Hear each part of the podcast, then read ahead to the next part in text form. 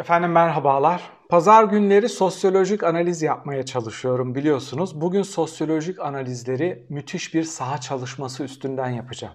Biraz sizi rakamlara boğacağım ama sıkıcı bir rakam, matematik gibi böyle istatistikler falan olmayacak.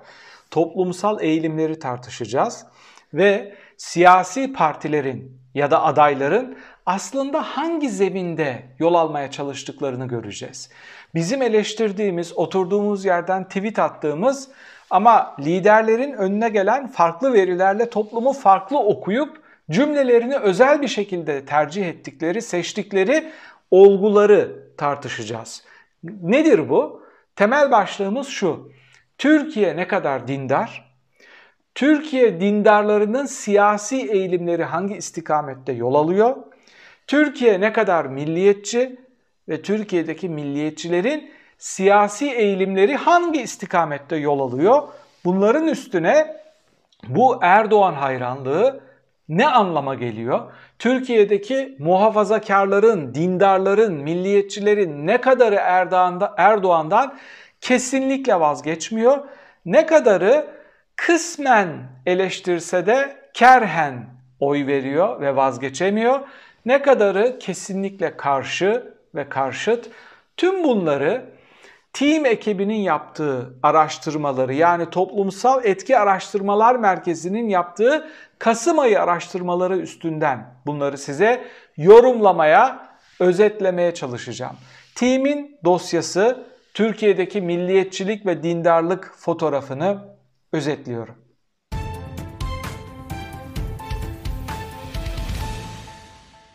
İsterseniz önce team'in açıkladığı en olumlu ya da tek olumlu muhalif kesimler için söylüyorum tabii ki veriyle işe başlayalım. Bu veriden sonra belki sonuçları kısmen daha tansiyonunuz çıkmadan takip edebilirsiniz ama o kadar önemli bir çalışma ki muhalefetin o kadar dikkatle satır satır okuyup üstünde strateji kurması gereken bir çalışma ki bence kuruyorlar. Yani bizim muhalefete eleştirdiğimiz bazen benim de dozunu kaçırarak eleştirdiğim e, şeylerin haksız mı acaba haksızlık mı yapıyorum dediğim veriler de geldi önüme. Belki bunları birlikte tartışmamız gerekiyor. Team'in sizin tansiyonunuzu kısmen düşürecek ve bundan sonraki verileri açıklamama e, zemin hazırlayabilecek tek olumlu verisi şu. Yarın bu pazar Cumhurbaşkanlığı seçimi olsa Erdoğan'a yüzde kaç oranında oy verirsiniz gibi bir şey sormuşlar bir soru. Erdoğan'ın oy oranı yüzde 35.4. Rakibi kim? Rakibi yok. Bakın bu da önemli. Herhangi bir heyecan oluşturacak aday açıklanmamış olmasına rağmen rakibine diyor %50.5 oy çıkıyor. Yani muhalefet doğru adayı belirlediği gün ilk turda 50 artı 1'i buluyor. Daha hiç ortada bir heyecan yok. Kararsızlar hangi oranda? Kararsızlar %14.1 oranında Erdoğan'ın bu kararsızların tamamını kazanması gerekiyor. Ki ki iş ikinci tura kalabilsin. Üçüncü bir adayın çıkma ihtimali var çünkü. Eğer üçüncü bir aday çıkmazsa da yani bunların tamamını alabilse bile böyle çok az bir farkla seçimi kaybedebilir falan diyor bu saha çalışmasına göre. Yani Erdoğan %35'e kadar gerilemiş. İşin diğer güzel yanı şu. Gerileme sürekli devam ediyor. Erime sürekli az da olsa devam ediyor. Peki bundan sonra neyi konuşacağız? Maç bitti mi? İşte bu araştırma diyor ki maç bitmedi. Neden bitmedi? Çünkü Türkiye'deki dindarlarda ve muhafazakarlarda hatta milliyetçilerde o kadar güçlü bir Erdoğan fotoğrafı var. O kadar güçlü bir Erdoğan aşkı var. O kadar güçlü bir Erdoğan bağımlılığı var ki ki ekonomik verileri kısmen görece olarak birazcık düzeltse bu yüzdeleri çok seri bir şekilde tersine çevirebilir. Şimdi bakın ortada gerçekten büyük bir komedi var. Muhalefetin adayı muhtemelen Erdoğan ekonomik olarak çok başarısız olduğu için seçilecek. Yani ortaya bir proje koyduğu, halkı tutup silkelediği, kendine inandırdığı için değil. O kadar büyük bir iflas yaşadı, o kadar büyük bir çakılma yaşadı ki Erdoğan'ın politikaları bunun için muhalefet kimi koyarsa koysun seçilme ihtimali varmış gibi gözüküyor. Ama ama doğru aday o kadar önemli ki bu veriler üstünden şimdi onu okuyacağız. Öncelikle şuna bakmışlar. Türkiye ne kadar dindar? Ya da muhafazakar kesimin dinle arasındaki ilişki hangi eksende vuku bulmuş? Oldukça uzun bir rapor. Ben size özetlemeye çalışacağım. Kendilerini ne derece dindar gördüklerini sorduğumuzda hiç dindar olmadığını söyleyenlerin oranı %12.2. Bu nerede yapılmış? Araştırma İstanbul ve Anadolu'da yapılmış. Yani işte diyelim ki Yozgat, Kayseri, Trabzon, Malatya gibi muhafazakarların olduğu yerde ve İstanbul'da yapılmış. Araştırma ağırlıklı olarak bu kısmıyla dindar fotoğrafını çekiyor bize. Hani anlayamıyoruz ya ya açlık var, ekmek kuyruğunda adam diyor ki hayır kuyruk yok, her şey çok güzel falan.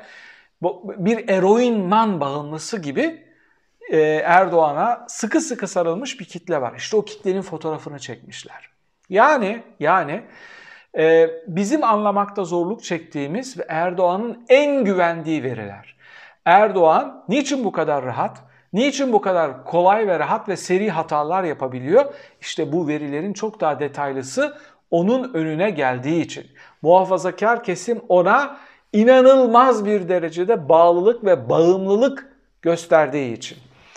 Evet, dindar olmayanların oranı 12.2, 87.8 çoğunluk kendini dindar olarak görüyor. Yani Anadolu'nun %87.7'si kendisini dindar olarak tanımlıyor. Şimdi bu dindarların Windows'u açıyoruz, pencereleri açıyoruz, içine giriyoruz. Dindarım demişsin ama bu %87.7 ne kadar dini yaşıyorsun? Dinin temel pratiği ne? Namaz. Namazı sormuşlar. Vakit namazını sormuşlar, cuma namazı değil. Büyük çoğunluğu hayatında en az bir kere namaz kılmış. Yani bu kitlenin %90'ına yakını, 89'u böyle periyodik aralıklarla değil belki ama ömründe birkaç kere olsa da namaz kılmış. Yani namazla arası var. %42'si son bir hafta içinde namaz kılmış. Bundan şunu çıkartabiliriz. Minimum cuma namazını kılanların oranı Anadolu'da %42 gibi. Minimum. Son bir ayda namaz kılanların oranı ise %62. Belki de cuma namazı bu ortalamasını buradan çıkartmamız gerekiyor. Yanlış bir yorum yaptım. Son bir ayda namaz kılanların oranı %62. Oldukça yüksek. Yani %87'nin %62'si bir ibadet pratiği içinde. Bunu bir yere koyalım. Bu insanlara din ve din söylemi üstünden konuşmak, proje yapmadan, para vermeden, altyapı sağlamadan çok kolay ve çok rahat. Kılıçdaroğlu'nun o helalleşme çıkışını, İyi Parti'nin Ömer'in yolu çıkışını bu veriler sonunda tekrar tartışmamız gerekiyor. Veriler öyle çok şey değil. Çok böyle aman millet kitleler sekülerleşti, işte din üstünden siyaset yapmıyor noktasında değil. Bu kitleye bir de milliyetçiliği sormuşlar. Tamam dindarlık burada ama milliyetçilik nerede? Düşük seviyede milliyetçi olduğunu söyleyenlerin oranı %9.7. Bu neyin oranı? Anadolu'daki sol ve sosyalist. Bakın Kemalist de demiyorum. Sol ve sosyalistlerin potansiyel oranı. %9.7. Ben milliyetçi değilim arkadaş diyor. Bu çok normal karşıladım bunu. Neden? Çünkü bizim eğitim sistemimizde, bizim din anlayışımızda, bizim diyanet anlayışımızda, bizim Cami vaazıda, sokakta, tribünde milliyetçilik üstüne kurulu. 9.7 çok yüksek bir rakam. Ee, yüksek seviyede kendisini yani uç seviyede milliyetçi görenlerin oranı ise e, 49.3. Uç seviyede milliyetçi görüyor kendini. Yani e, önümüzde enteresan bir endeks var. Bu endeksleri rakamlara döktüğümüzde milliyetçi olmayan sekülerler 8.3, Seküler milliyetçiler %22, ortalama milliyetçiler %23.4, dindar ve milliyetçi olanlar 28.6, sadece dindar olan ve milliyetçi olmayanlar 17.6 gibi bir veri çıkıyor karşımıza. Peki bunun üstüne dindarlık seviyesi ve oy tercihleri üstüne bazı sorular sormuşlar. Daha doğrusu Erdoğan'ı sormuşlar. Yani buradan şimdi bu verilerden nasıl bir Erdoğan fotoğrafı çıkıyor? Toplumdaki Erdoğan karesi hangi istikamette? Kimler ona niçin destek veriyor? Ve Erdoğan'ın ısrarla kimlik siyaseti yapma, gezi üstünden siyaset yapma, din üstünden, Ayasofya üstünden, bunlar bira içmişti, camimizde şöyle yaptılar değil mi? Bunlar üstünden siyaset yapanları, yapma enstrümanlarının şimdi karşılığına bakacağız. Türk dindar seçmenler arasında, şimdi bu herkese sorulmamış, dindar seçmenlere sorulmuş. Erdoğan'a yakınlık duyanların oranı %76. Yani Türkiye'nin %86'sı kendini dindar hissediyor. Bu %86'nın da %76'sı kendini Erdoğan'a halen çok yüksek seviyede %76 seviyesinde yakın görüyor. Nefret etmiyor Erdoğan'dan. Dindarların sadece %14'ü Erdoğan'a çok kritik bakıyor ve kesinlikle ona dönmemek üzere vedalaşmışlar. Karşıt olanlar, tamamen karşıt olanlar ise %10. Yani toplamda yüzde, dindarların %24'ü uzak ve karşıt, %76'sı ise ekonomik veriler kötü olduğu için destek vermiyor belki ama gönlünde hala bir Erdoğan yatıyor. Şimdi bakın bir potansiyel var. AK Parti potansiyeli değil bu. Anadolu'daki fotoğrafta çok güçlü bir Erdoğan potansiyeli var.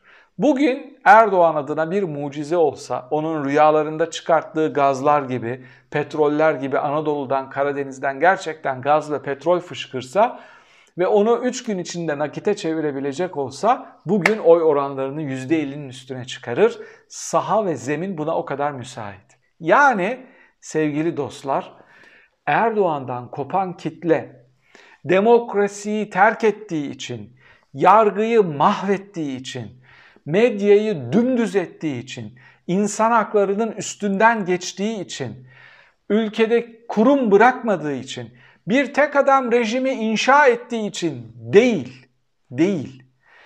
Gelirlerinde kısmen düşüş olduğu için, ekonomik olarak sistem çatırdamaya başladığı için onunla vedalaşmaya başlamışlar. Bu çok korkunç bir tablo. Neden? Erdoğan sonrası da Türkiye'de böyle tamamen evrensel değerler üstüne inşa edilmiş bir çoğulcu demokrasi kuracağız söyleminin karşılığı yok. Yok. Bu yok. Ne yapacaksınız? Buradan ne çıkar? Buradan elitler uzlaşısı çıkar. Yani Avrupa Birliği'ne kitleler mi destek veriyordu? Hayır. Erdoğan sosyal demokrat, liberal demokrat elitlerle bir araya geldi. Bu projeyi lokomotif yaptı, bir yere kadar getirdi. Erdoğan sonrası da farklı elitler bir araya gelerek Türkiye'yi içine düştüğü yerden çıkartabilecek bazı elitist reformlar yapabilir. Şimdi ben elitist reformlar deyince hemen herkes şuraya gidiyor. İşte başörtüsü yasağı. Bin... Hayır onları kastetmiyorum. Elitist reformlar şu demek. İşte Millet İttifakı elitist bir ittifaktır. Halkta böyle aman bir araya gelin, Saadet Partisi ile CHP bir araya gelse keşke diye bir proje yok. Bu Kemal Kılıçdaroğlu'nun tırmaladığı ve elitist bir söylemle kurguladığı kendi partisine, kendi tabanına rağmen Ankara'da Mansur Yavaş gibi, İstanbul'da adını sanını kimsenin bilmediği Ekrem İmamoğlu gibi geçmişinde Kur'an kursu olan, Kur'an okuyabilen bir adamı çıkartıp aday gösterip kendi partisiyle çatışa çatışa bu verileri okumayı bildiği için merkeze doğru yürüyüp Millet İttifakı'nı inşa etmesidir. Elitist siyaset ya da elitlerin uzlaşısı dediğim budur. Şimdi bunun üstüne Cumhurbaşkanı performansını sormuşlar dindarlara, muhafazakarlara %46'sı iyi diyor. Yani bakın iyi ama oyu diyeceksiniz ki oyu niye bu kadar düşük? İşte bu %46 ama dindarlar arasındaki %46. Yani burada sekülerler yok. Onu tekammül ettirdiğiniz zaman Türkiye geneline %35'e düşüyor. İyi diyor. Muhafazakarların %46'sı iyi diyor Erdoğan için. Performansı iyi. %25'i kötü diyor. %25'i kötü diyor. Yani dindarların %25'i Türkiye ve Erdoğan gerçeklerini kimlik siyasetine rağmen görebiliyor. Adil her dört her dört İslamcıdan, muhafazakardan biri e, gerçekleri görmeye başlamış. Bu muazzam bir rakam. Ama ama ortada ciddi bir kesim var. Yani bu ne yapıyor? 60 71 olsa %29'luk bir kesim, %29'luk bir kesim de diyor ki e, yani ne iyi ne kötü. Ne iyi ne kötü. Bu ne biliyor musun? Yani aslında kötü olduğunu biliyor ama o kadar seviyor ki direkt kötü diyemiyor. Dili varmıyor ya da korkuyor. Neyse yani. Şimdi enteresan bir soru sormuşlar. Diyor ki Erdoğan siyaseti bırakacak olsa ne olur? Kötü olur. Hem iyi hem kötü olur ya da ne iyi ne kötü olur? İyi olur. Üç tane cevap var. Cevaplar sarsıcı. Erdoğan siyaseti bırakacak olsa Türkiye'deki dindar, kendini dindar olarak hisseden insanların %64'ü kötü olur diyor. Bakın bir önceki rakamda ortada duranlar nereye geçti? Kötü olur diyor. Yani bu neyi biliyor musunuz? Demin ne demiştim? %46'sı Cumhurbaşkanının performansını iyi buluyordu. %29'u ortada bekliyordu. İşte o ortada bekleyen aç. Aç.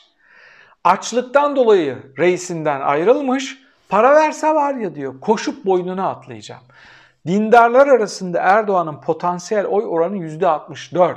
Bunu Türkiye'ye vurduğun zaman işte 52 yapıyor.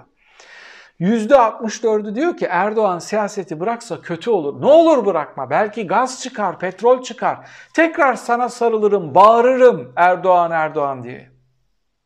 Sen domra çalarsın ben oynarım. %28'i iyi olur diyor. Erdoğan siyaseti bıraksa artık iyi olur. İşte bu %28 ile İstanbul'daki belediye başkanlığı geri döndü. Yani görebilen, vicdanı olabilen ya da Türkiye'de başkanlık sistemi geriye dönebiliyor. Buradan çıkartabileceğimiz bazı sonuçlar var. Arada bu analizleri yapmak istiyorum sadece rakam. Erdoğan başkanlık sistemini getirmeseydi, parlamenter sistemde kalmış olsaydık ebedi şefti. Ebedi şef. Parlamenter sistemin seçim sistemiyle ufak oynamalarla, bu oranlarla ömrünün sonuna kadar iktidarda kalabilirdi. Ya da koalisyonun büyük ortağı olur MHP ile ömrünün sonuna kadar Türkiye'yi yönetebilirdi. Tam e, topluluk kısmında YouTube sayfamda paylaştım o yazıyı. Tam 7 sene önce bir yazı yazmıştım. Tam 7 sene önce. Demiştim ki 2014 başkanlık sistemi muhalefetin çıkış stratejisi olabilir. Ve bunu yazmıştım işte. Sizin buradan parlamenter sistemle çıkma şansınız yok. Erdoğan'ın başkanlık sistemi Türkiye'yi batırır ama ondan kurtulmanın yolu da bu siyasi batıştan geçiyor ve başkanlık sisteminden geçiyor. Şimdi %50 inşa edilebildiyse muhalefet cephesi, cephesi tarafından bir aday üstünden buradan çıkılacaksa başkanlık sistemi sayesinde çıkılacak. Şu verilerle parlamenter sistem içinde kalsaydınız emin olun çok net söylüyorum. Sadece sesim, seçim sistemiyle birazcık oynayarak dar bölgeyi getirse mesela sadece Erdoğan sittin sene iktidarda kalır MHP ile birlikte yoluna devam ederdi. Şimdi Mentimeter diye bir yöntem var. Türkçe'ye bunu nasıl çevirmişler bilmiyorum. Bazı kelimeler söylüyorsunuz siz, size sorular soruluyor. Ondan ön plana çıkan cevapları yansıtıyorlar ekrana. Erdoğan siyaseti bırakacak olsa hangi açıdan iyi olur diye bir soru sormuşlar. Bir numaralı iyi olur diyenler arasında ama bu. Bir numaralı manşet ekonomi düzelir. Daha sonra değişiklik iyi olur. Daha sonra yeni kişiler gelir, refah artar, ülke gelişir, göçmenler gider gibi başlıklar ön plana çıkmış. Peki Erdoğan siyaseti bırakacak olsa hangi açıdan kötü olur? Cevaplar tam tersi ama aynı istikamette. Ekonomi geriler. Ya yani Erdoğan siyaseti bıraksa kitlesi diyor ki ekonomi geriler aman bırakmasın. İnanılmaz bir kitle. Gerçekten o YouTube röportajlarında, mülakatlarında cep telefonu soran amcaları ne kadar genişmiş. Ne kadar Anadolu'da bunlardan ne kadar çok varmış. Ekonomi geriler diyor Erdoğan siyaseti bıraksa. Yönetim kötüleşir diyor. Yani yönetim iyi Türkiye'de. İyi olduğunu söylüyorlar yönetimin. Ülke geriler. Yönetici yok, başka adam yok, lider yok. Bu topraktan çıkmadı. İnanılmaz. İnanılmaz bir fotoğraf. Bunu ne kadar başarılı işlemiş Erdoğan. Çevresinde ot bitmemesini nasıl sağlamış? Senelerce İstanbul'a, Ankara'ya lider olma ihtimali olmayan belediye başkanlarıyla ne kadar aktörleri baskılamış? Partisinin kurucu başkanları, eş başkanları yani onun gibi önemli liderleri Gül gibi, Arınç gibi önemli güçlü bakanları nasıl saf dışı bırakmış? Ve o sokakta, muhafazakar sokakta gölgesinde ot bitmeyen bir incir ağacı olarak hayatını devam ettirmiş. Peki Erdoğan'ın en beğenilmeyen özelliği ne? Kitlelere sorulduğunda göçmen sorunu ve ekonomi ve adaletsizlik çıkıyor. Adaletsizlik de dindarların adaletsizlik deyişi şu yanlış anlamayın. Evrensel hukuk sistemi falan değil. Komşum jip çekti AKP'li zengin oldu. Oğlu şurada şurada işe girdi. Bize ne verdi? Bize bir sosyal yardım kömür makarna veriyor. Adaletsizlik dediği bu. Yani Türk muhafazakarının adaletsizlik dediği bu. Türk muhafazakarının adaletsizlik dediği evrensel değerlere göre güçlü, kuvvetler ayrılığına dayalı bağımsız bir yargı sistemi değil. Şimdi rakamları daha fazla uzatmayacağım. Uzatmayacağım. Türk dindarlarının %62'si potansiyel olarak Erdoğan'a oy verebilirim diyor. Yani Türkiye'nin %89'unun %62'si bu da %50'lere tekamül eder yaklaşık. Erdoğan'a oy verebilirim diyor. Yani potansiyel olarak ekonomiyi düzeltse koşa koşa boynuna sarılırım diyor. Türkiye'deki muhafazakarların %38'i de vermem diyor. Dönmüş, kopmuş. Vermem diyor. Onun için %35'e çakıldı. Şimdi buradan çıkartmamız gereken bazı sosyolojik analizler var. Bir, Kılıçdaroğlu'nun çıkıp helalleşelim demesi işte bundan. Bu kitlelere diyor ki, yahu bana oy vermeyecekseniz bile biz bir ittifak kurduk.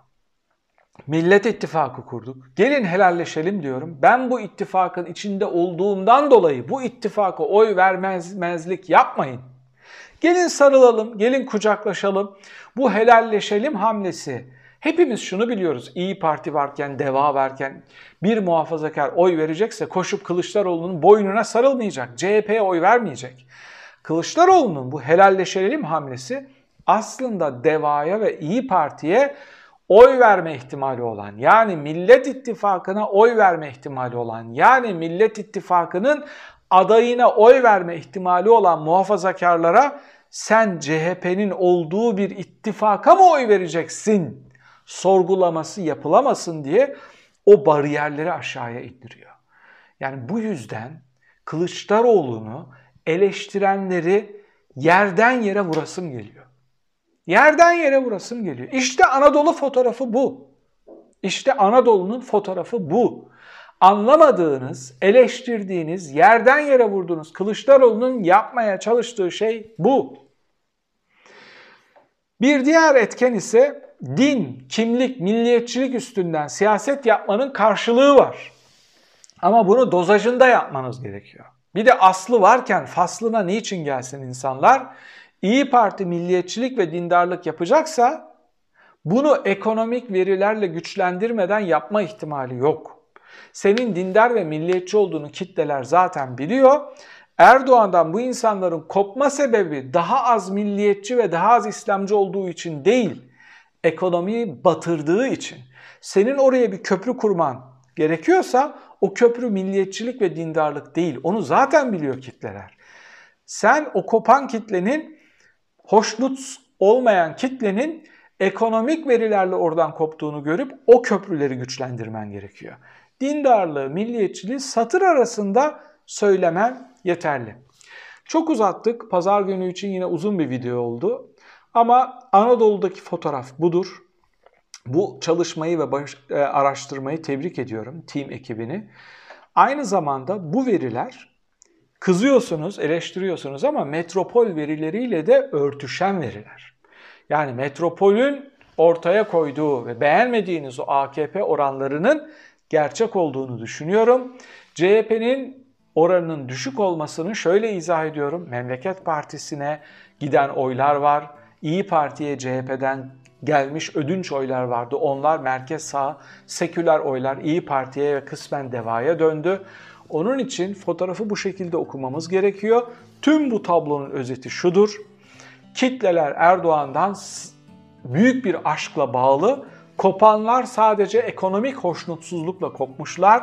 Doğru adayı göstermezseniz kimlik siyaseti üstünden o kararsızları Erdoğan tekrar kazanabilir ya da farklı bir aday daha çıkartıp oylarınızı bölebilir, işi ikinci tura bırakabilir, bir sürü oyun içine oyun girebilir. Bu işin birinci turda bitmesini istiyorsanız şu kimlik siyasetini analiz eden verileri iyi çalışıp adayı ona göre belirlemeniz gerekiyor. İşin özeti budur. Siz bu Anadolu verilerine inanıyor musunuz? Bu açıkladığım verilerin doğru olduğunu düşünüyor musunuz? Yorum köşesinde bunu tartışabiliriz. Bir sonraki videoda tekrar birlikte olmak üzere efendim. Hoşçakalın.